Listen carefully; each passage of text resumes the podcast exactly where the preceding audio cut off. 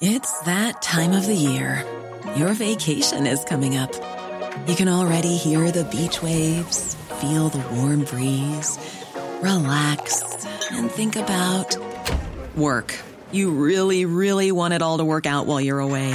Monday.com gives you and the team that peace of mind. When all work is on one platform and everyone's in sync, things just flow wherever you are. Tap the banner to go to Monday.com. There's never been a faster or easier way to start your weight loss journey than with PlushCare. PlushCare accepts most insurance plans and gives you online access to board-certified physicians who can prescribe FDA-approved weight loss medications like Wigovi and Zepbound for those who qualify. Take charge of your health and speak with a board-certified physician about a weight loss plan that's right for you. Get started today at plushcare.com slash weight loss. That's plushcare.com slash weight loss. plushcare.com slash weightloss. Når kulturprofiler går til frontalangrep på musikkjournalist i VG på Facebook, er det da usaklig angrep eller helt riktig kritikk? Hva skal journalistene tåle? Det lurer jeg på denne uken. Du hører på Tut og Mediekjør, en podkast som tar deg med bak nyhetsoverskriftene for å vise deg hvordan nyhetene du leser, lages. Jeg heter Christian Lydemar Strander, og med meg som alltid har jeg Eva Sandum. Hei, Eva. Hei, hei. Og Svein Tore Bergstuen. Hei. Riktig god dag. God dag. Eva Sandum, du er kommunikasjonsrådgiver Ja. med et lite nikk på skulderen. ja, jeg er så mangt, si. Å, spennende. spennende. Er det noe annet du vil trekke opp av Eva Sandum-hatten? Uh, nei, ikke noe som faller meg inn nå. Nei. Nei. Og så må vi jo nevne selvfølgelig PFU, og hvor mange år var det igjen? Jeg tror det er 14 fortsatt, hvis ikke jeg regna feil en gang i tida. Mm. Ja. Pressens faglige utvalg, som Ja, da er Som er pressens eget selvdømmeorgan, der de vurderer sin egen atferd. Journalistisk atferd. Atferd. Ja. Eh, Presseetisk. ja. Jeg føler liksom vi må repetere litt, for det har jo vært sommerferie. Så det er jo noe med å bare ta det opp igjen. Um, Godt å være tilbake. ja. Eh, Skal vi nå si at det er hverdag? Nå er det hverdag. Ja. Ja. Er du ikke enig, Svein Tore? Jeg, jeg har uh, hatt den følelsen he- hele sommeren, jeg, at det er hverdag, for så vidt. For jeg går jo ikke på jobb uh, liksom i et bygg sammen med folk. Jeg jobber eh, hele tiden, på et vis. Så jeg har jo merka at det har vært sommer. Det er varmt. og- Aner jeg en liten selvskryt her nå? Nei, jobber. egentlig omvendt. Ja. Uh, altså jeg skiller jo ikke Jeg er dårlig på å skille mellom jobb og fritid, jobb og ferie, fordi det flyter litt over hverandre vet du, når man jobber Ja, men det, det har jo også litt med at du har vært hjemme. Altså, Ja. Hadde du vært bortreist, så hadde du nok fått litt mer ferie. Ja, ja, og så har vi jo egentlig vært hjemme de siste tre-fire månedene også, så det, alt flyter litt i ja, hverandre. ja, det er det. Enig. Du, eh, Eva, Noe av poenget med, med denne podkasten er jo også at vi skal bli litt bedre kjent med deg, Eva, og deg, Sentore. Tore. Ja vel. Ok, ja, Det var nytt for meg. Det skrev ikke søknaden til Fritt Ord, at eh, denne podkasten skal også handle om å bli kjent med personene bak eh, Ja, men Ja, altså, vi, vi skal jo gå bak nyhetene, men vi må jo da også gå bak, Bak. personene. Ja. Så Eva Sandum, eh, hva, oh, Gud, hva skrev du på russekortet ditt? Å, øhm, jeg skrev uh, Jeg kopierte min fars uh, russekort. Som man gjør i Sandum-slekta. Eh, Nei, det, jeg tror jeg var den første som gjorde det. Men der sto det um, Ingen visste at Sandum drakk før de så henne edru. Men, øh, men det var også litt sånn at jeg hadde kallenavn på russelua, som var Dåsekniperen. Oi! Og det var noe Hva du er, kjente deg det, er igjen i? det et avansert ord for luremus? Nei, det er det motsatte. Ja, ja, Eller, det vil jeg si, ja. ja. Ja, det er mer at eh, Altså, jeg er vokst opp på østkanten, eh, så Altså i Oslo. Ja. Så det er mulig at dåseknipperen er litt sånn slangord på østkanten. Jeg vet ikke helt, jeg. Men det var i hvert fall et, eh, et slags eh, tegn på at jeg var litt eh, hva, Hvordan sier man det? Prippen? Du, er det nå du skal bruke engelsk? Det høres ut som, Hvordan sier man det på norsk igjen? Ja. Jo, ja, men det er Jeg jo var ikke noe Jeg var ikke ute og Ja. Nei, jeg ja, var Det ikke er jo noe madrass, da, luremus. for å si Det er jo sånn. luremus. Er det ikke Nei, nei, nei. Jo, altså, nei for Jo, luremus er jo Jo! Jo, selvfølgelig. Hva trodde du luremus er? At han lurer flest mulig inn? Ja, det var- jeg er usikker på om Nei, jeg var dette ble veldig useriøst. Ja. eh, dere. Nå må vi skynde oss. Ja. eh, ja. Svein Tore, hva Ja. skrev du på ditt russekort? Ja, altså Jeg husker ikke helt ordrett. Jeg husker ikke øh, Men det begynte med følgende Russ er bare en sinnstilstand der spasmer, økt hjertefrekvens er eh, kjennetegn Et eller annet sånn pretensiøst, jævlig dumt, eh, egentlig. Du hadde en sånn A4-ark-russekort? Nei, nei, men det var bare jeg Det hadde hadde egentlig så, kledd som Tore litt. Ja. Jo, men jeg, Jeg prøvde å være så annerledes og viktig, da. Ja. Så jeg fant et eller annet sånt i en bok, da. Ja. Ja, Funket altså, det? Nei. Nei. Det var enklere det som sto på russelua. Da sto det bare sjef. Åh. Fordi jeg var sjef, da. Oh, ja, ok. Da, Ja, jeg trodde du bare skrev det. Nei, jeg var russepresident. Ja. Jeg var, hadde jo en sjefstittel i russetida, ja, men jeg hadde ikke sjef på russelua, Svein Tore. Nei, men uh, når du er russepresident, da kan du Ja, ha du var sjef. president, ja, det er noe annet. Men dere skal vi nå Nå er vi kjempegodt kjent. Skal vi jo da gå på eh, første sak? Ja. I dag så skal vi snakke om noe som eh, er veldig, veldig gleder jeg meg til å høre hva dere mener om. Eh, Og det er rett og slett eh, denne store saken som nå pågår i Kultur-Norge i forhold til at det er én VG-journalist som får masse, masse kritikk for måten denne journalisten har snakket til og om og med eh, kulturprofiler i Norge. Fordi det er jo sånn at det er jo en ganske lav terskel for å kritisere eh, media. Eh, når man er i media, eller når man ser noe som står skrevet i media. Det er liksom noe man bare skal gjøre, det. Ja. Media er noe dritt. Det som står, og det, hvis du ikke er enig i det, så er jo det noe dritt. Ja. Men det jeg kanskje merker litt nå, det er at jeg syns det stadig nå oftere blir mer personlig. Altså det går mer utover enkelte journalister. Og noen ganger så kjenner jeg at det er usaklig angrep, men andre ganger så blir jeg sånn skikkelig Yes! Der fikk han! Eller der Nå! Nå fikk hun! Det var på tide. Ja, ikke sant? Og da tenker jeg, sånn, øh, og, Men kanskje den der øh, litt sånn slakt og hyll øh, Det er sånn det må være. Eva, hva, hva tenker du om det? Er det hva, hvor mye skal en journalist tåle? Eh, altså, det er jo veldig mye makt eh, en journalist potensielt har i, eh, i det å kunne liksom, henge ut, kritisere, avdekke ting eh, som handler om andre. Vi må ikke glemme at det å være offer for medias søkelys er en ekstrem påkjenning for veldig mange. ikke sant? Selv i liksom, normale saker. Ja, og jeg tenker at det journalister kanskje ikke naturligvis tenker på hver dag, er at det de gjør, som de gjør hver dag, eh, og utsetter andre for, da De som er i andre enden, de opplever dette kanskje ikke så ofte. Og konsekvensene av en publisert artikkel eller noe som omhandler deg, da, enten du er artist, eller du er privatperson eller leder, for den saks skyld, kan få veldig store konsekvenser. Så man er jo i utgangspunktet Det er som å gå opp til eksamen eh, hver eneste gang? Fordi, og, og du har ikke kontroll på resultatet. Fordi at det er det journalisten Vi hører ofte det. Det er VG som redigerer VG. Ja. Det er VG som bestemmer sånn, og det, og det er helt riktig. Sånn må det være. Men, men da må man også ha forståelse for at den påkjenningen det er, både prosessen og resultatet, det, det er krevende. Men du, Og for vil, å svare på spørsmålet ditt, da, så mener jeg tusen da takk, Eva. så mener jeg at uh, journalister og medier må jo tåle konstruktiv kritikk. Ja. Fordi at eh, det er jo sånn at eh, mediene er, er i en utfordrende tid, hvor det står litt om tilliten og ikke sant? Det er mye anklager mot mediene om at de holder ting tilbake, og så er det samtidig mye fake news der ute og alt mulig sånt. Så hvis de skal ha tillit til samfunnet, så må de oppføre seg på en måte som folk syns er akseptabel. Sånn er det jo bare. Ja. Men du, la oss bli litt mer konkret der nå. Fordi øh, øh, Svein Tore, vi skal jo snakke om Thomas Talseth i dag. VG-journalisten. Ja, det må vi. Ja. Men det er jo ikke bare Jeg tenkte når, når den saken kom, øh, og vi snakket om at hvor mye skal en journalist tåle, så kom jeg til å tenke på at det er mange som opplever dette. Altså journalister. Um, og jeg tenker f.eks. på Fredrik Solvang i Debatten på NRK, som jo er en profil, og, og dermed mange mener mye om. Han har stått i hvert fall to ganske tøffe saker i løpet av, øh, i løpet av året. Vi kan komme tilbake til det.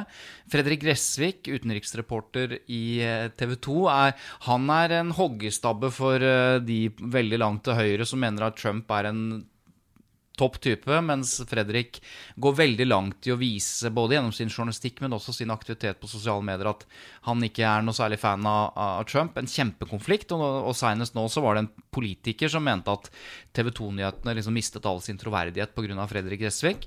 Eh, så han får mye kjeft. Og Ingeborg Senneset i Aftenposten, eh, som jo er ute og mener mye, bl.a. når det gjelder vaksinemotstandere og sånn. Så det er flere profiler som har fått veldig mye trøkk. Marie er Simonsen i Dagbladet Dagbladet Ikke minst- får vel også en god del tyn, ja, Ikke minst Marie Simonsen. Mm. som er en profilert eh, kommentator, og som skriver, når hun skriver om innvandring eller feminisme, da, er da skjer det ting i innboksen, for å si det forsiktig. Så, Det er jo grunn til å tro at veldig mange journalister som, som er ute og rapporterer om kontroversielle temaer, får mye dritt. Altså, det, det kan man jo anta. ja, og så er det Christian. Skal de tåle det? Ikke sant? Ja, det er jo det. Det er jo det vi skal snakke om. Eh, Men du må svare på det òg, da. Skal de tåle det? Ja, de må tåle mye kjeft og mye kritikk. Fordi, som Eva sier, de har mye makt. Og de som har makt, de skal utsettes for Og de må tåle, og de skal utsettes for den samme kritikken og kritiske søkelyset som de selv utsetter andre for. Men dette er jo folk. Det er mennesker her, Ja. ikke sant? Så jeg var litt nysgjerrig på uh, Fredrik Solvang, som jo eh, har stått blant annet Han gjorde et intervju med, med Jeg vet ikke om dere husker det, helt i starten av koronaepidemien. Så valgte de å intervjue en, eh, en smittevernekspert, da, eller som framsto Ja. som det, og som var veldig sånn dommedagsaktig. Husker Stemmer dere det? Ja, absolutt. Og da fikk jo han veldig mye kritikk, og NRK også, for å ha gitt for mye tid da til denne Ja, for folk, eksperten. ja, folk ble livredde. Ja. Altså Hun var sånn 'Dette går til helvete', liksom. Ja. Og da fikk de kjempemye kjeft. Så jeg ringte til Fredrik, og så spurte jeg hvordan det er å, å, å få kjeft, rett og slett. Jeg elsker det. Nei da. Eh, jeg eh, syns eh, mm, Stort sett så, så er jeg veldig åpen for kritikk, føler jeg selv.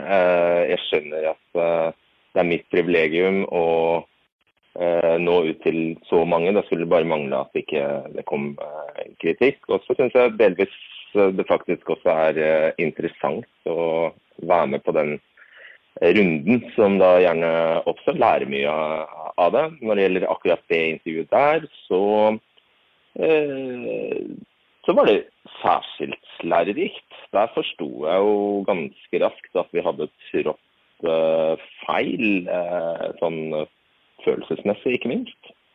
Og at vi ikke traff planken. Så det, det, var, det var en veldig nyttig runde. Dette var altså Fredrik Solvang fra Debatten NRK. Ja. Og da er det jo en type kritikk som man sier som, som var berettiget. da, altså Man reagerte fordi, og han innrømmer at de gjorde feil. Og da er det kanskje lettere å ta kjeften, da, når du skjønner at du har eh, Ja, du må jo være litt flink da, til å ta imot kritikk, fordi det er ikke bare å ta Da må du også være en uh, bra person. Men det er en ikke ting, bare som en må, bra journalist. Nei. en ting som må påpekes her, og at uh, i, i akkurat dette temaet her så kommer jo kritikken mot noe som er publisert. Mm. Eh, et eh, journalistisk eh, valg, liksom. Ja. Så det er jo ikke nødvendigvis så mye om noen bakenforliggende ting som arbeidsmetoder og sånn. Det Nei, handler om det, det som er blitt kringkastet. I det øyeblikket man begynner å snakke om ikke bare valget av denne eksperten, men man begynner å snakke om Fredrik Solvang.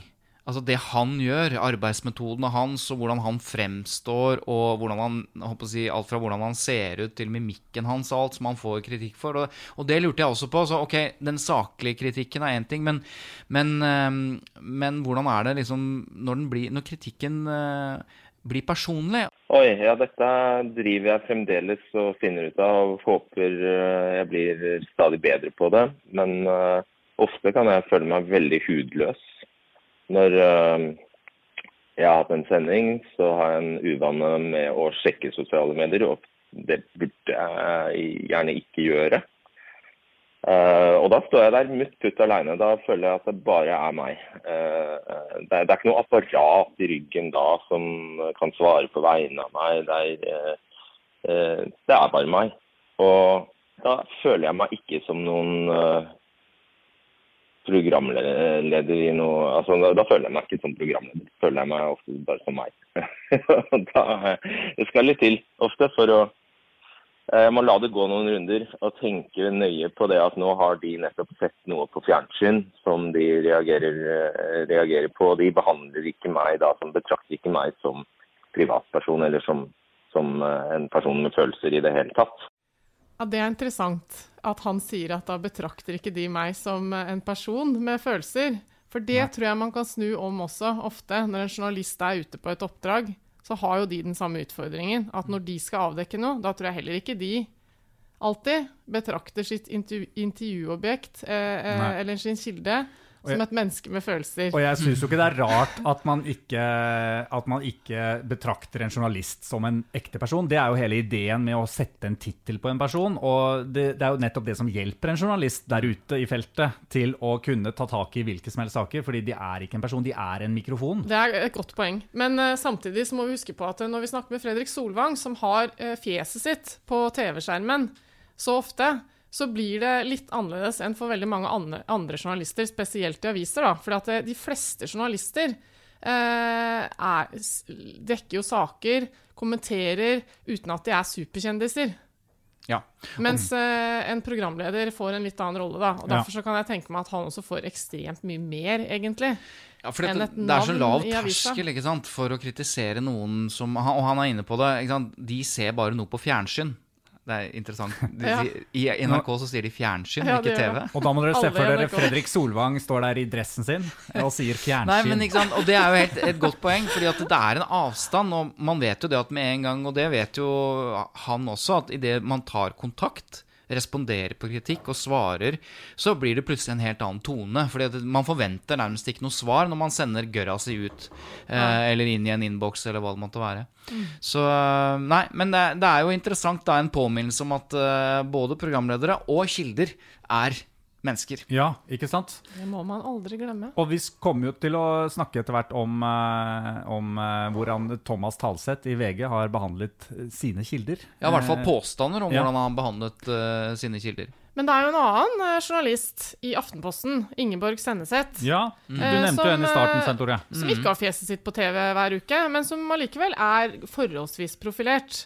Fordi hun er en aktiv eh, kommentator og ja, meningsbærer. Og samfunnsdebattant også, egentlig. Ja, i mange sammenhenger. Selv om hun jobber som journalist eh, først og fremst da, i mm. Aftenposten. Så jeg snakket med henne om det samme, og spurte henne litt hvordan hun opplever eh, det å få personlig kjeft for jobben hun gjør som journalist. Eh, jeg vil jo at vi skal prøve å skli mellom kritikk og kjeft.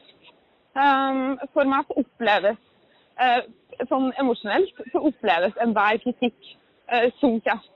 Eh, men det er jo ikke sånn jeg kan reagere på det. Hvis det er noen som sier noe om min journalistikk eller eh, min virksomhet, så må jeg jo ta det som kritikk og prøve å respondere som kritikk.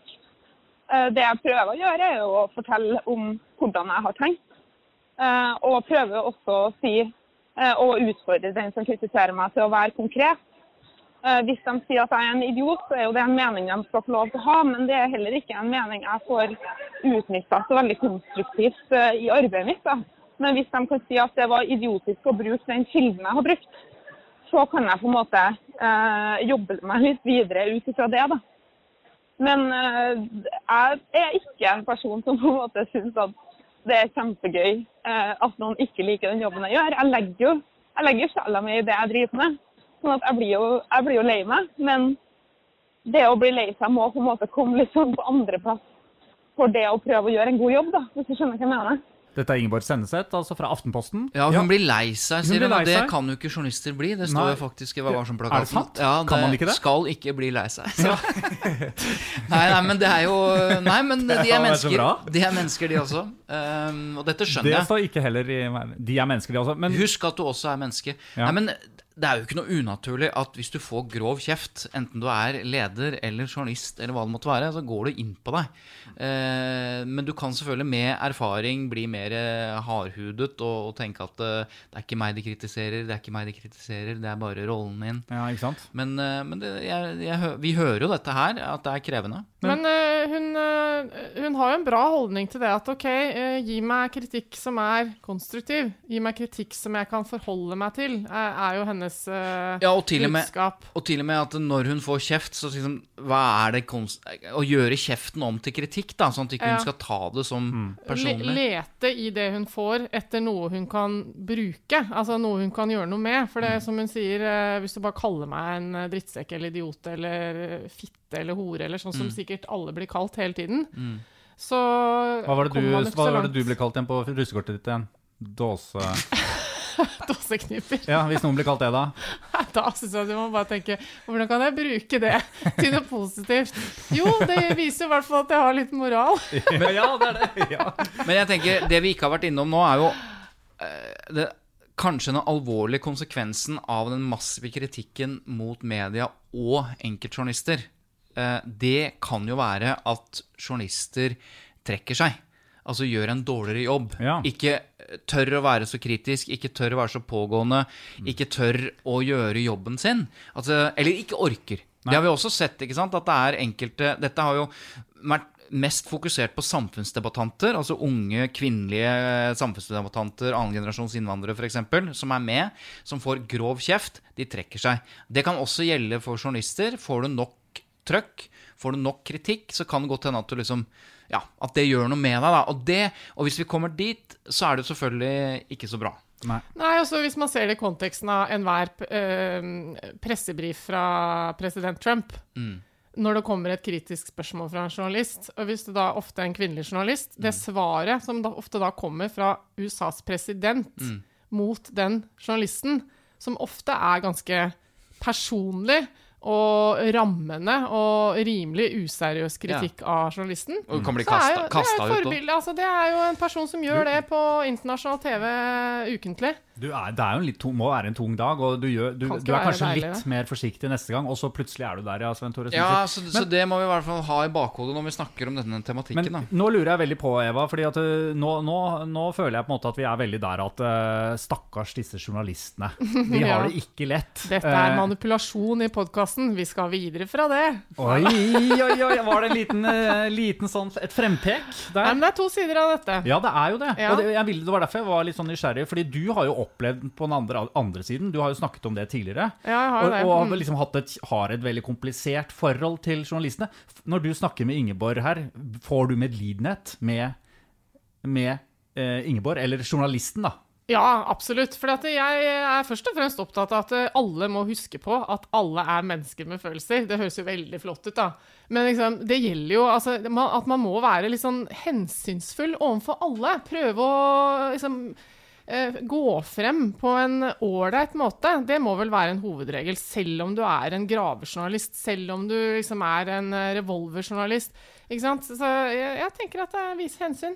Jo, Da- det står jo i Vær varsom-plakaten. Ja. Vis hensyn. ja. ja. Det er sant. Da nærmer vi oss uh, Thomas Alseth-saken. Fordi eh, sånn som jeg opplever uh, den også hovedkritikken mot han som har kommet eh, denne uka, det er, jo- går jo på hans eh, arbeidsmetoder.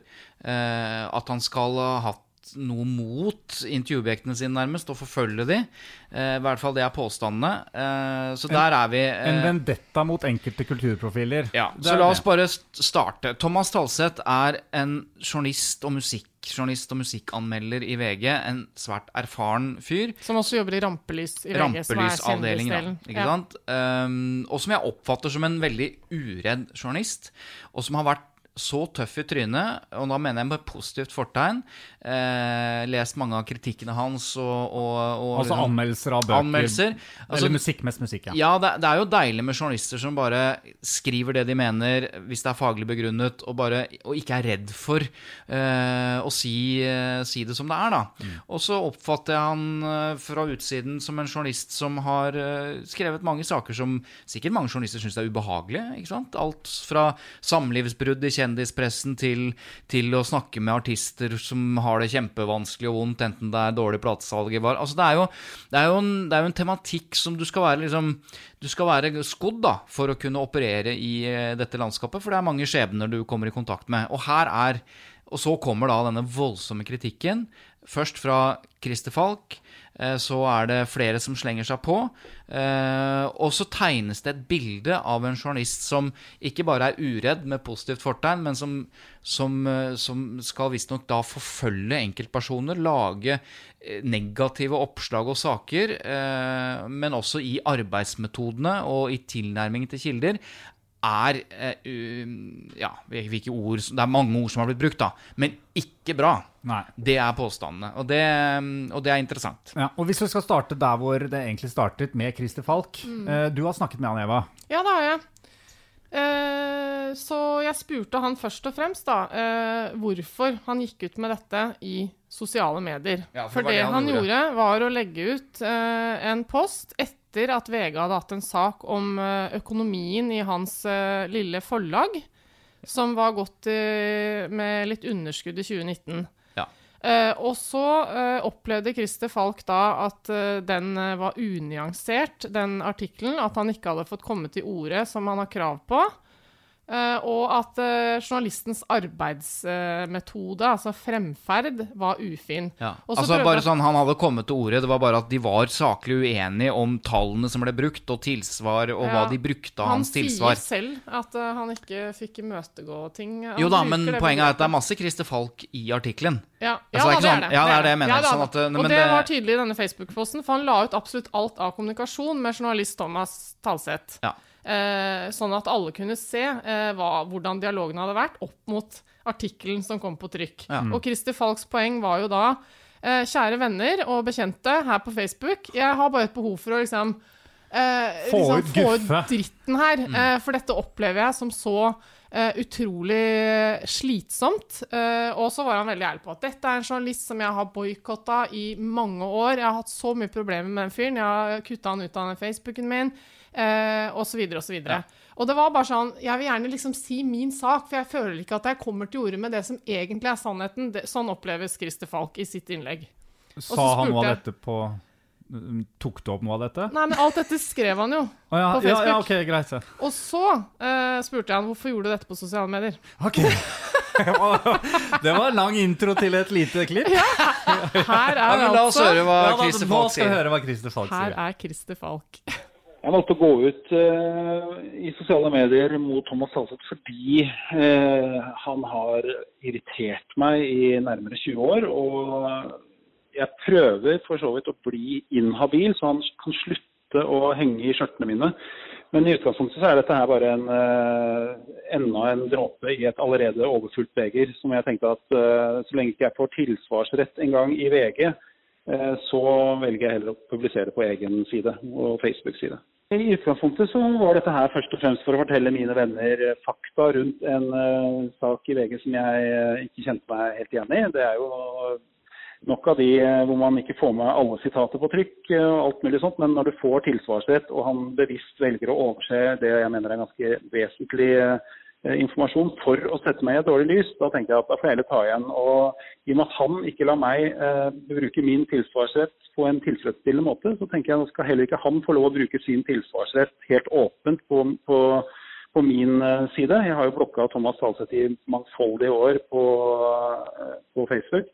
Jeg gadd ikke å åpne igjen så at han skulle få lov å si noe nå. Det er nok av VG-journalister som kretser rundt eh, siden min, og hvis han har noe han skulle sagt, så skulle han fått lov til å sende det til meg. Det har jeg også skrevet eh, som en av postene mine.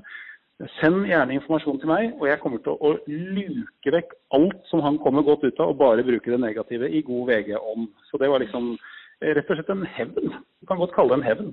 Christer Falk, han rett og slett hevner seg på Thomas Talseth. Hevne seg, det er også et sånt ord som er sånn Kan man bruke det i, i kan, Er det mulig å bruke i en samfunnsdebatt uten å bli helt tatt useriøst? Ja, nå skal vi huske på hvem Christer Falk er.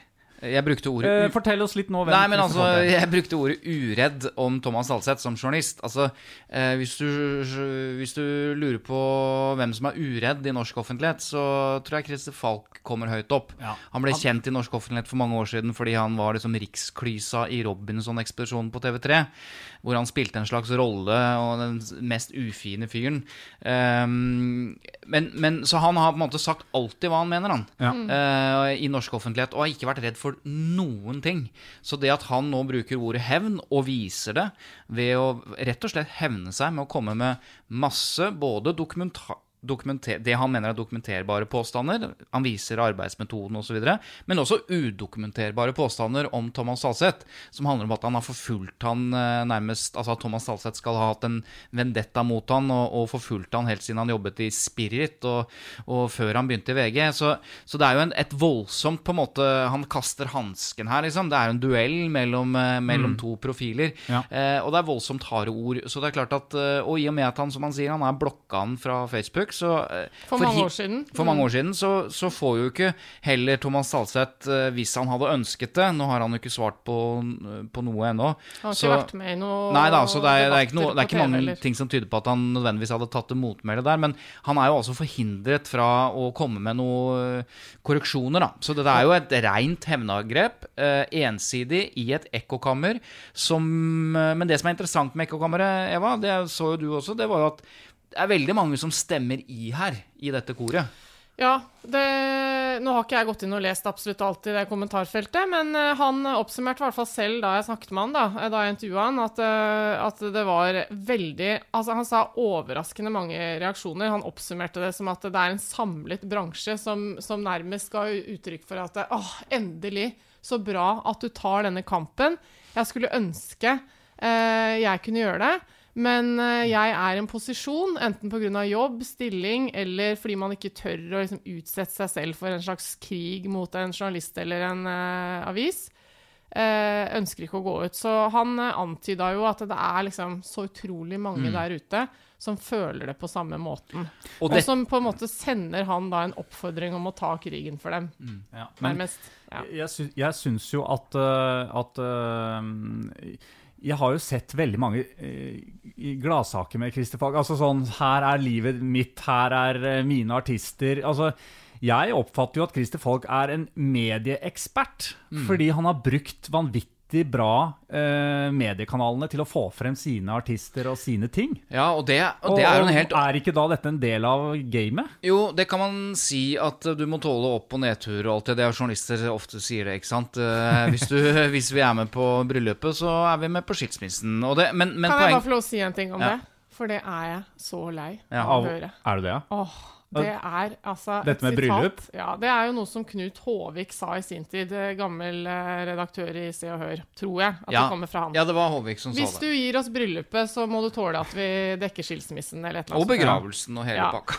Og det er jo selvfølgelig helt riktig. Jeg er ikke uenig i at de som byr seg frem og benytter seg av mediene, eh, må tåle at det også settes søkelys mot dem når ting ikke er akkurat sånn som de skulle ønske. ikke sant? Når, når ting går litt dårligere, osv. Men det som jeg syns er så utrolig plagsomt, er at mediene stadig vekk bruker det sitatet og sier sånn bryllup og skilsmisse, oppturer og nedturer. Og, og ikke minst at de sier 'Jeg har da sett denne personen på rød løper så mange ganger', så det er en kjendis. Så da skal man liksom må tåle alt. Ja. Og jeg vil bare understreke at det fins mange forskjellige ting som har med arbeidsliv og jobb å gjøre. Som kan gjøre at du havner i en offentlig tilstelning. Til og med kanskje havner på en rød løper i ny og ne. Uten at det betyr at du er liksom definert av deg selv en kjendis. Som, eh, Er som er villig til å liksom gå ut med alt og sånn, ikke sant? Men Ikke sant? Så vi må huske på det at selv om du føler at du har sett et menneske veldig mye Mm. i avisa og på TV og i Se og Hør og sånn, så er det ikke det sikkert at det betyr at det mennesket liksom alltid benytter seg av media for å komme i, liksom kjendissfæren. Ja, jeg skjønner at du har dette perspektivet, Eva, men her må jeg nesten bryte inn og si at jeg er helt uenig. Ja, fint. Nei da, jeg er jo ikke det.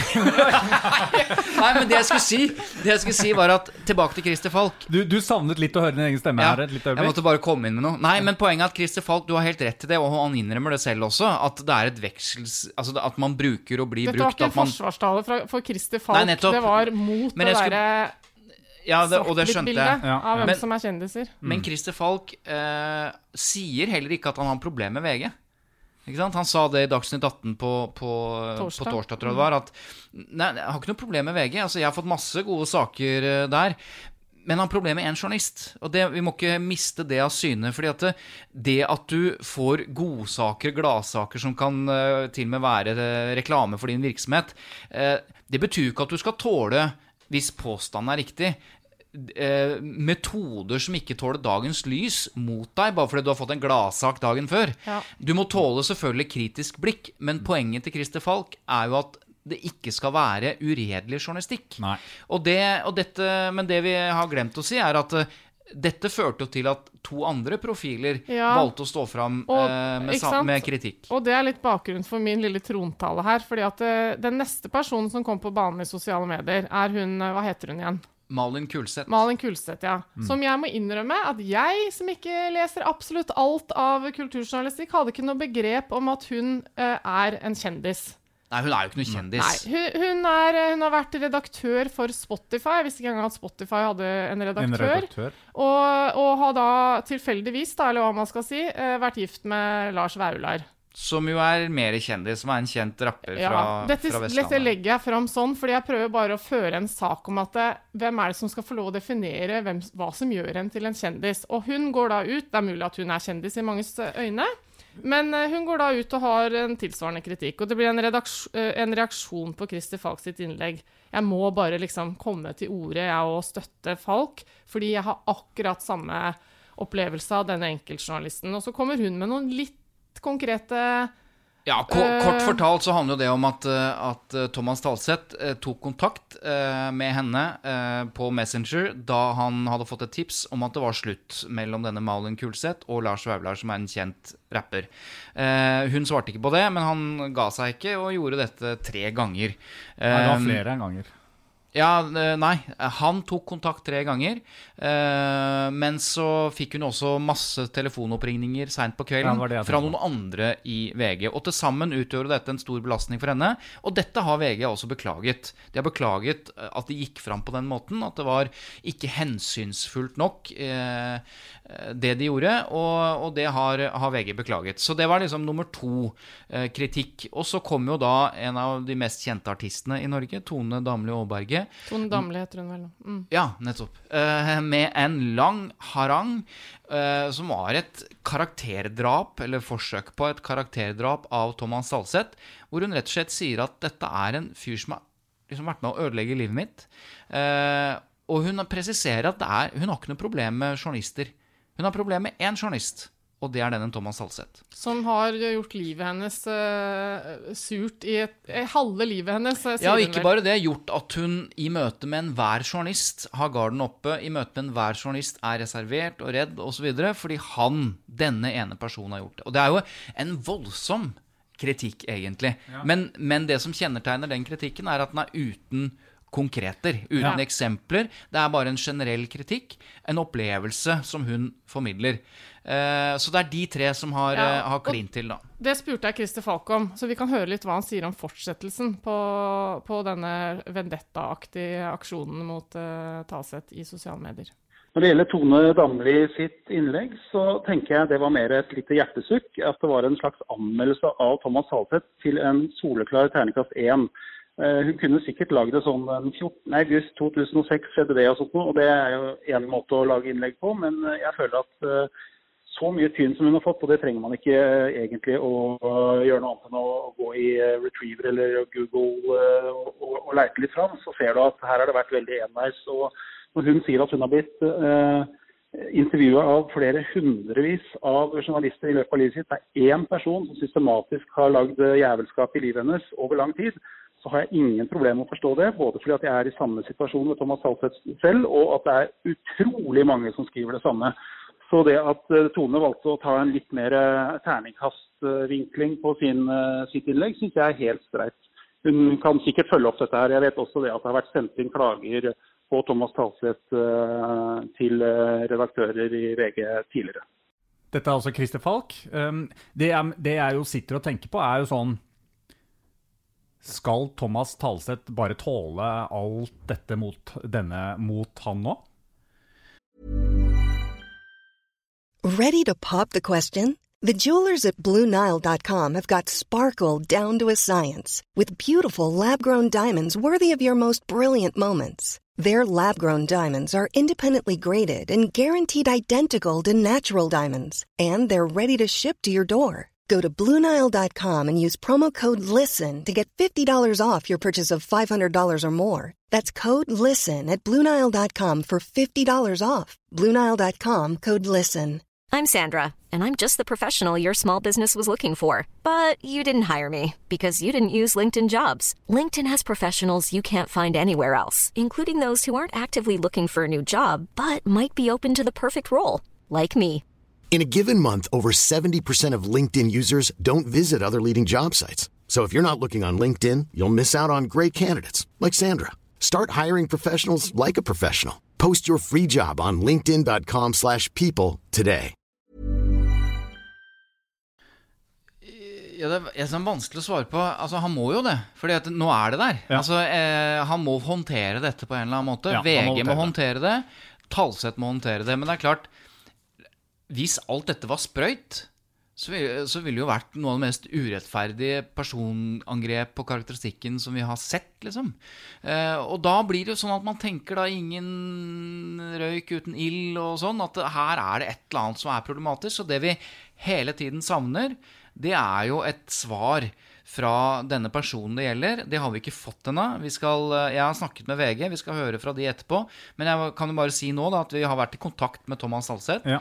Eh, Jeg har vært det de siste, siste par døgnene, og eh, han har valgt å ikke stille hos oss. Og det, og det er noe, men da har han i hvert fall fått den muligheten og tatt det valget. Han har, ellers så har han heller ikke besvart noen av henvendelsene til media, så vidt jeg, vidt jeg forstår. Det, jeg, syn, jeg må si at jeg syns det er litt rart. At ikke han nå står opp og snakker. Ja, altså Ja. Vi kan jo snakke litt om det. eh, fordi det er jo, VG har en rolle som ansvarlig redaktør eh, for det som Thomas Talseth publiserer. Eh, Så det er greit nok det at VG går ut og tar liksom lederansvar for en ansatt på en måte, og jobben den ansatte har gjort.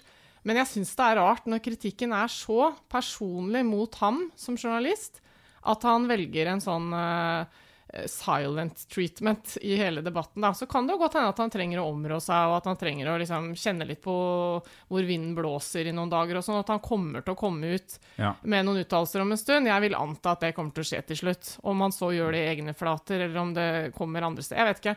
Men jeg, jeg syns liksom media krever veldig mye av andre når de står i en storm. Ja. Altså, det blir veldig fort kritisert når det blir stille eh, rundt en sak, eh, og når noen sier 'jeg trenger litt tid eh, til å liksom, få fakta på bordet', og sant, sånne ting.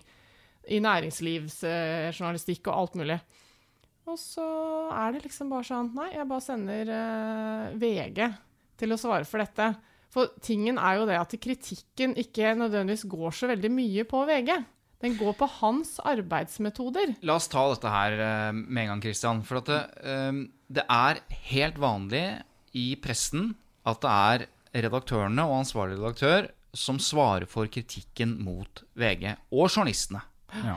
Og det eh, som jeg var inne på nå, syns jeg er kjempeinteressant. fordi at det, det virker på folk, tror jeg, som om journalistene, som har mye makt, som Christer har snakket om, som har definisjonsmakt og, og, og kan gjøre eh, mye, de gjemmer seg bak redaktørene. De er liksom plutselig ikke tilgjengelige. Og dette er voksne folk, altså. Det kan være kritikk mot, la oss si, eh, politiske journalister, ringrever som har vært i gamet liksom i, i 20-30 år, som får kritikk. Og plutselig så er det en redaksjonsleder eller en redaktør som stiller seg foran og sier nei, jeg må ikke, skal ikke kritisere journalisten, på en måte. Det er jeg som tar dette. Det er sedvane, og det er vanlig, og det er bygget på eh, en logikk om at det er, det er ikke journalisten som er ansvarlig, det er redaktøren. Og vi kan jo Det er høre derfor heter ansvarlig redaktør. ja, og vi kan høre Jeg spurte uh, VG om dette. Rolf Sønsteli, som er redaktør i VGTV, som allikevel er den som er ansvarlig, har fått ansvarlig redaktør-hatten på nå i sommer, når Gard uh, Steiro. Steiro er, har ferie. Som er sjefredaktør. Ja, Han svarte på nettopp dette her, om hvorfor er det sånn at det er redaktøren som alltid må svare når, det er kritikken, eh, når kritikken går mot journalisten. Det er fordi at redaktørene er ansvarlig for alt som publiseres eh, i VG. Alt som publiseres i VG går gjennom lederledd som beslutter eh, før publisering.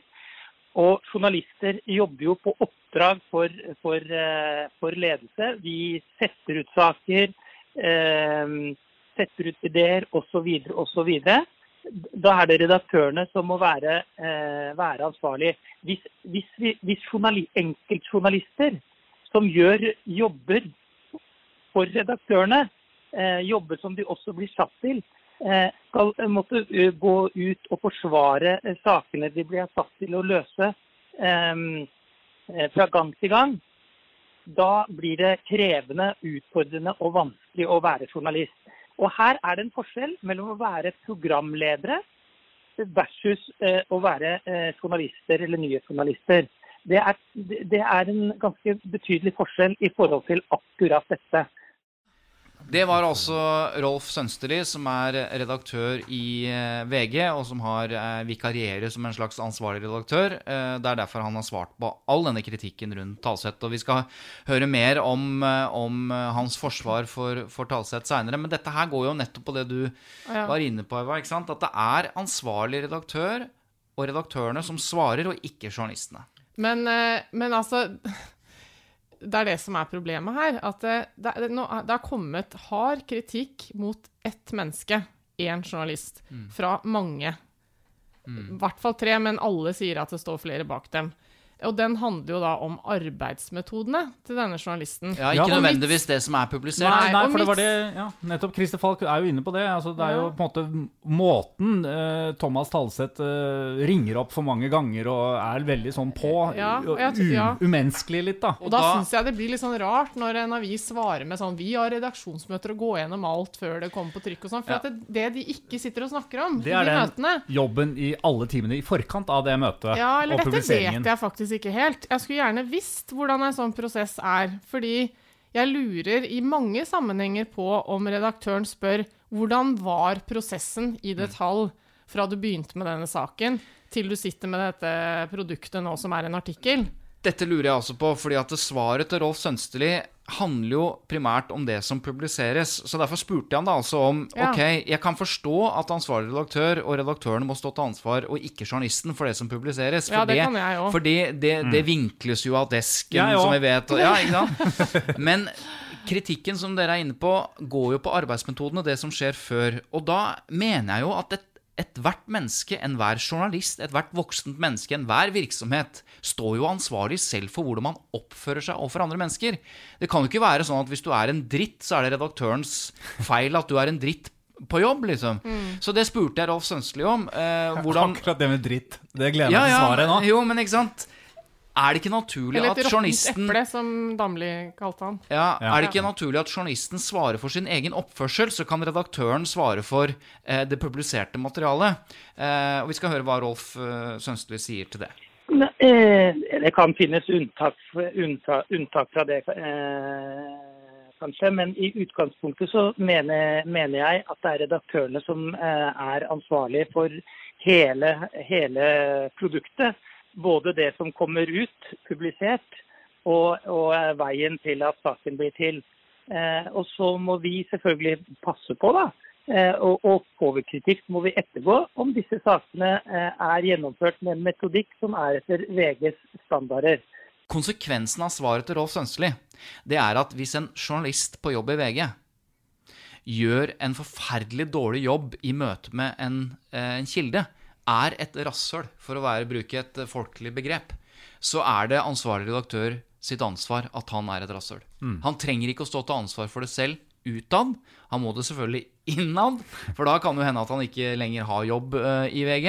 Men det er Han skal beskyttes mot den kritikken. Han skal slippe å svare på den. fordi ifølge Rolf Sønsterli så er redaktøren i VG ansvarlig fra, fra start til mål. Han er ansvarlig for all oppførsel, framferd, arbeidsmetodikk, publisering, alt.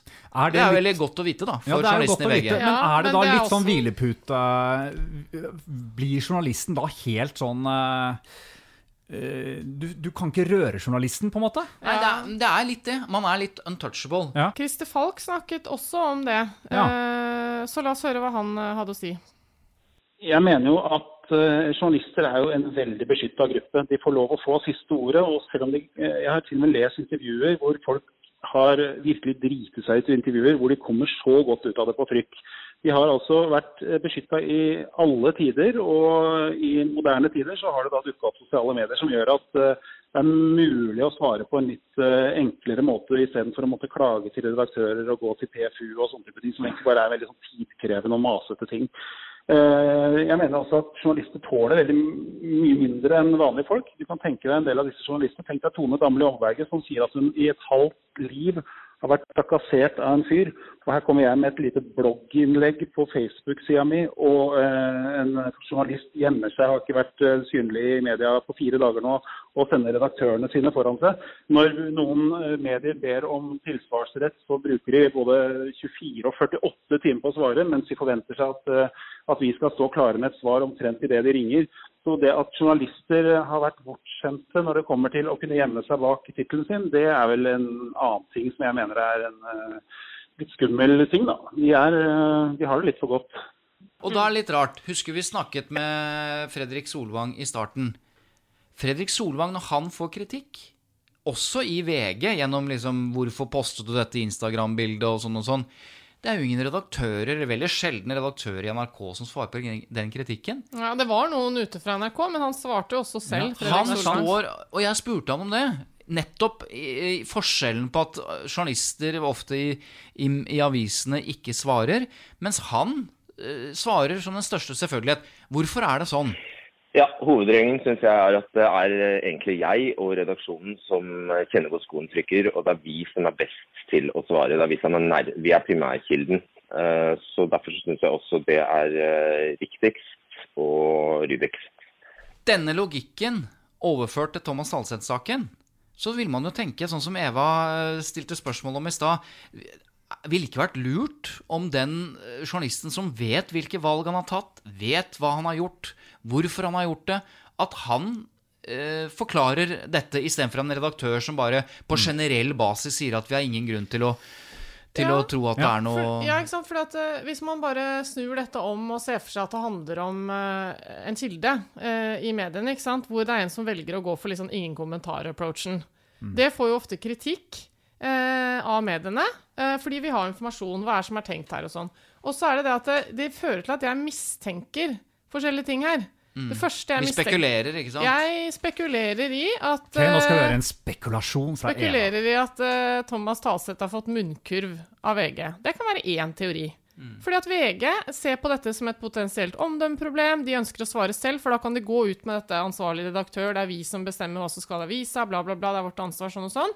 Jeg sier ikke at jeg tror det, men det er en mulig teori. Du sier at teori. det er en spekulasjon? Ja. ja så det finnes i hvert fall to mulige forklaringer. En er at han ikke får lov til å si noe. Den andre ja. er at han gjemmer seg og ikke vil snakke. Nettopp. De ja. to mulighetene fins der.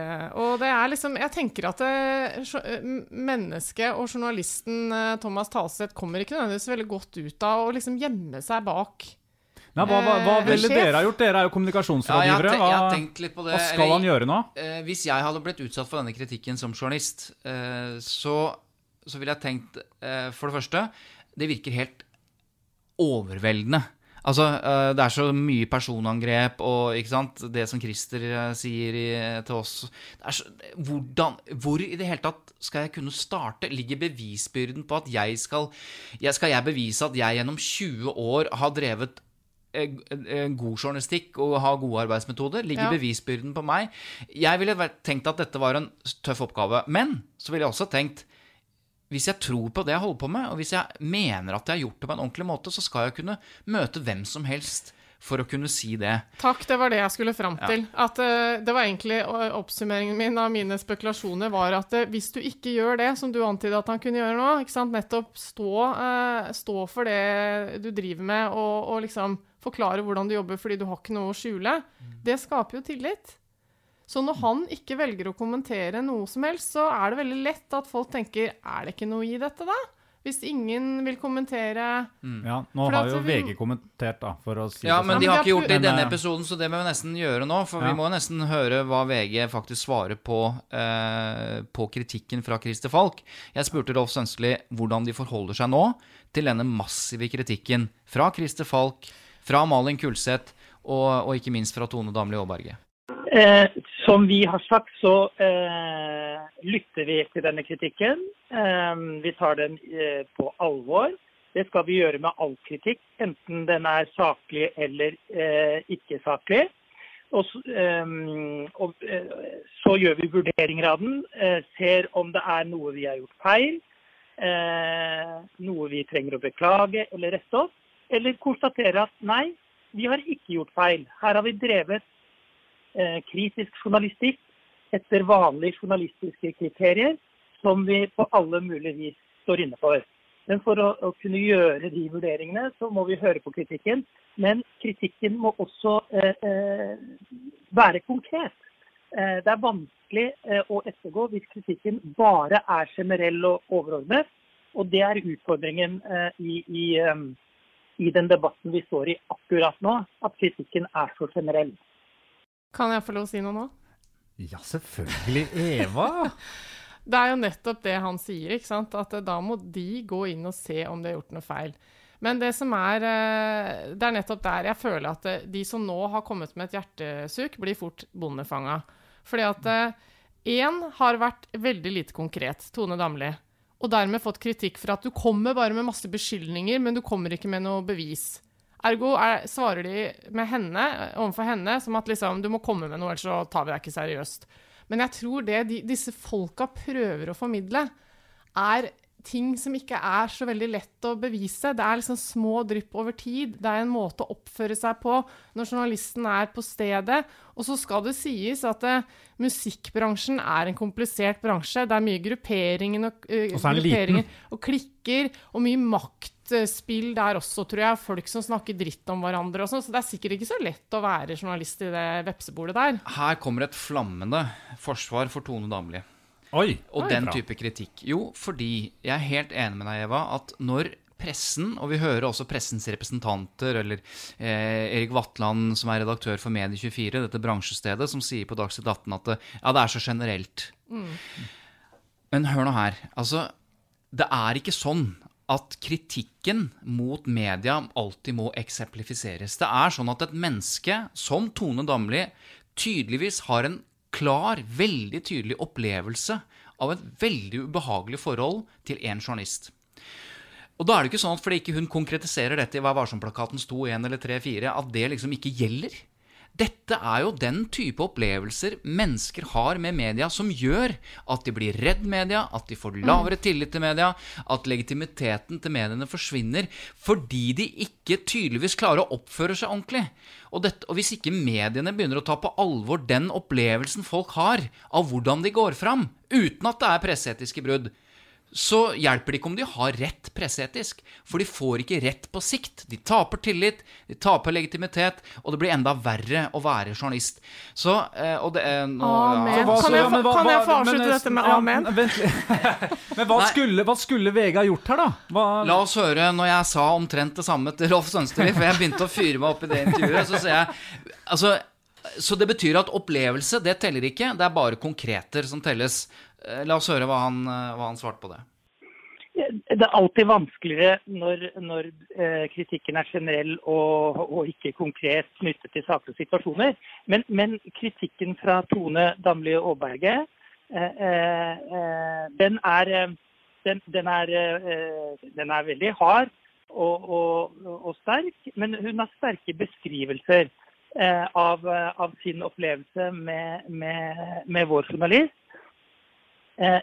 vi vil høre på henne vi har invitert henne til å møte oss for å utdype de opplevelsene.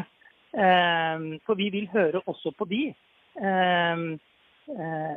Jeg er enig i at, at det å bedømme journalistikk og vurdere tillit handler om mer enn bare fra sak til sak. Har man gjort alt etter boka, liksom? Det har selvfølgelig også med, med hvordan journalister eh, kommuniserer, hvordan man eh, står frem, væremåte, tilnærming. Eh, alt det der. det er kjempevesentlig. så vi skal høre Tone Damli også ut om disse tingene. Selv om, selv om kritikken hennes ikke knytter seg til, til enkeltsaker eller enkeltsituasjoner. Dette er Rolf Sønskli, redaktør i VG, og her sier han noe som jeg mener er helt vesentlig og helt viktig. Ikke bare de, har de invitert Tone Damli inn for å høre hva, hva, disse opplevelsene bunner i, men han sier også her, og er enig i, at du kan ikke bare bedømme journalistikken liksom presseetisk fra sak til sak og, og om å ha gjort alt etter boka. De må ta på alvor folks opplevelse av deres fremgangsmetode og hvordan de oppfører seg. Og det er godt å høre, fordi det er helt nødvendig. Mitt råd er vel at eh, VG må være enda tydeligere ut til offentligheten med den tonen som vi nå har hørt at redaktøren som Svein Tore intervjua, har. Altså litt sånn selvransakende, men også kommunisere i egne flater at nå har vi gått til oss selv. Vi hører at det er en, eh, en hel rekke av kulturpersonligheter som har noe å utsette på hvordan vi jobber, eller en av våre journalister. eh, Og det må vi finne ut av. Mm. Og være litt sånn eh, Ta kritikken. For at, huske på at utgangspunktet vårt for denne podkasten, det var at vi sa vi opplever at det er et gap mellom folk og medier. De snakker ikke samme språk. Liksom, mediene skjønner ikke hvorfor folk reagerer på ting, og folk skjønner ikke hvordan mediene jobber. Og bare, jeg tror Noe av svaret her er å liksom begynne å snakke litt mer åpent om hva som har skjedd her. Og Da tenker jeg at VG også kan si OK, kritikken er ikke så konkret, men vi hører allikevel at det er et hjertesukk her. Nå skal vi prøve å liksom finne ut av hva det er, og forklare folk eh, litt mer. Det Jeg tror er helt enig, og det er, eh, det er det som må være lærdommen her. At man må ta folks opplevelser på alvor, og ikke bare liksom paragrafrytteri og si at her har vi gjort riktig, her har vi gjort feil, osv. Fordi dette er jo det som Eva sier, det er en avstand mellom folk og media, og den kan bare tettes ved at de snakker sammen og begynner å snakke samme språk og forklare hvorfor de gjør det de gjør. Ok, Eva Sandum, Svein Tore Bergstuen. Vi må til eh, lytterspørsmålet, Ja. som er jo vår eh, faste spalte. Det er jo, det er jo ikke sommerferie lenger. Nå er det vanlige sendinger, eh, episoder igjen. Så vi har fått inn et lytterspørsmål. Eva, hva er spørsmålet? Ja, Trine har sendt oss en e-post. Flott. Til uh, tut. Krøllalfalydeproduksjoner.no. Jepp. Og lurer på fordi at Vårt fokus er jo vanligvis å snakke om hvordan journalistikken blir til. Men vi har altså fått da dette spørsmålet fra Trine eh, om det motsatte. Hvordan kan jeg få sletta noe journalistikk? Hvordan kan jeg få sletta en artikkel om meg selv hvis jeg har en god grunn til det? Ja. Ja, det er jo enormt, da. For er- tenk på alt det som ligger ute om deg. Altså, nå, ja, nå, det kommer jo litt an på om du heter Eva Sandum eller, eh, eller Trine, kanskje. Nettopp Eh, det. Men, eh, men la oss si at hvis Trine hadde hatt mange saker om seg Det kan ha vært alt fra, fra 'gratulerer, du har vunnet i Lotto' til trygdesvindel, til ja. 'du har vunnet Holmenkollstafetten'. Mm. Har man rett til å få alt det slettet? Nei, absolutt ikke. Ok. Eh, altså Vi må huske på at i utgangspunktet, dette har vi også nevnt i tidligere episoder eh, i en annen sammenheng, at det, eh, det som mediene publiserer, er jo en del av det historiske arkivet i samfunnet vårt. Så i utgangspunktet så er det som er publisert, publisert. For uendeligheten. Eh, På en måte, ja. For papiraviser har jo vært arkivert eh, i herrens år, liksom. Alt okay. finnes jo. Og Ja. på nettet har det blitt enda mer tydelig. Og det er jo problemet nå for mange. ikke sant? For det kan være eksempler på et menneske som i ung alder er med tilfeldigvis på en eller annen artikkel eh, med hva skal jeg si, et ølglass i hånda, eller, eh, eller bare liksom i en eller annen situasjon hvor de senere i livet opplever at dette er problematisk for meg. Det er liksom ubehagelig. Det er ikke nok. Eh, at, eh, at eh, folka mine da kan se at jeg Altså, det ble et dårlig eksempel. Nei. Men uh, du kan jo også ha uh, et menneske som på en måte ja, La oss si lar seg intervjue av en avis fordi han eller hun har vært på institusjon, forteller mye om en psykisk lidelse man har stått i, velger å dele et problem man har, og kom, har kommet ut av, f.eks. Og så litt senere i livet så er det problematisk i arbeidsmarkedet eller sånne ting. ikke sant? At man er søkbar eh, rundt et tema som man senere innser at ei, den uh, skulle jeg gjerne vært foruten, for det ødelegger veldig mye for meg. Her er det eh, noen ting å gjøre. Uh, For det første, publikasjonene, mediene, de eier sitt stoff. Så de bestemmer uh, over sitt eget arkiv. Eh, Ja. Det er søkbart i forskjellige databaser. Men, men hvis man tenker sånn, hvordan folk flest tenker, da, kan jeg dukke opp et søk på Google? Og Ja. Der er det en veldig viktig eh, avgjørelse fra EU-domstolen i 2014 som blir kalt for 'retten til å bli glemt'-avgjørelsen. og Det handler jo om at, eh, at folk skal ha mulighet til å fjerne treff om seg selv, eh, om kilden fortsatt eh, kjen, eh, er kjent. Da. Og Det betyr at du kan få fjernet liksom, eh, fra Google f.eks. Du kan få fjernet treffene. Det betyr ikke at selve innholdet forsvinner fra eh, publikasjonene, men søketreffene kan eh, bli borte. Nettaviser kan altså avindeksere Ja. artikler. Dvs. Si at de fins der eh, når man vet hvordan man skal lete, men de, er, de gir ikke Google-treff, Nei, så det er noe å gjøre, og det viktigste tipset er å gå inn på slettmeg.no, hvor du får masse informasjon om dette. Og ikke bare hva som har stått i avisene, men ikke minst hva som er publisert på sosiale medier osv. Slettmeg.no. Så jeg, jeg tror at eh, svaret er vel at eh, du bør ha en veldig god grunn å kunne redegjøre for den, og starten bør være å gå i dialog med redaktøren hvis det er snakk om en konkret artikkel i en avis som du syns er problematisk, og starte med å se om de er villige til å avindeksere den. Ville jeg tenkt. Men hvis det er litt mer sånn komplisert bilde med masse stoff der ute som du vil ha bort, så, så bør det gå litt mer grundig til verks med slett meg og sånn, da. Ja, Hva mener du da, Trine? Hvor mye vil du ha bort? Jeg bare snakker til Trine. Ja. Nei, Det er eh, et eller annet vi må finne ut av med Trine, tror jeg. Altså, Hva er det egentlig hun har vært med på? Ja. det, ja. Det er jo litt spennende, da. Radiodokumentar. Fordi at Det- Vær varsom-plakaten gir ikke noen konkrete føringer på dette, egentlig. Nei, ok. Nei. Eva Sandum, Svein Tore Bergestuen. Dette er Tut og mediekjør. Vi er ferdig for denne episoden. Eh, da er det vel bare å si at eh, vi er tilbake neste lørdag. Det, hvis ikke noe helt spesielt skulle skje, så er vi det. Så Og er det er en liten mulighet for at noe spesielt skjer. Er Ja, det Ja, det er det Vi har en annen sak vi har litt lyst til å diskutere.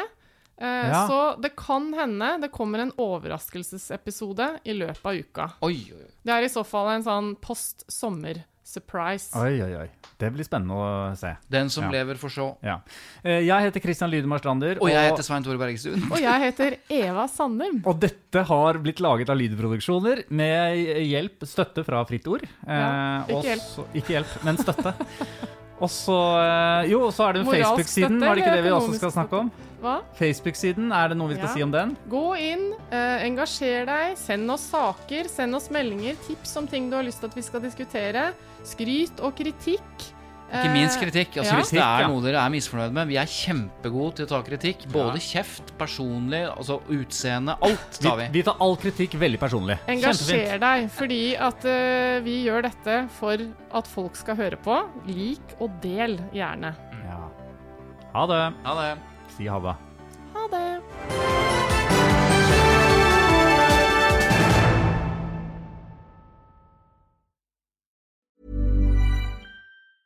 Normally, being a little extra can be a bit much, but when it comes to healthcare, it pays to be extra.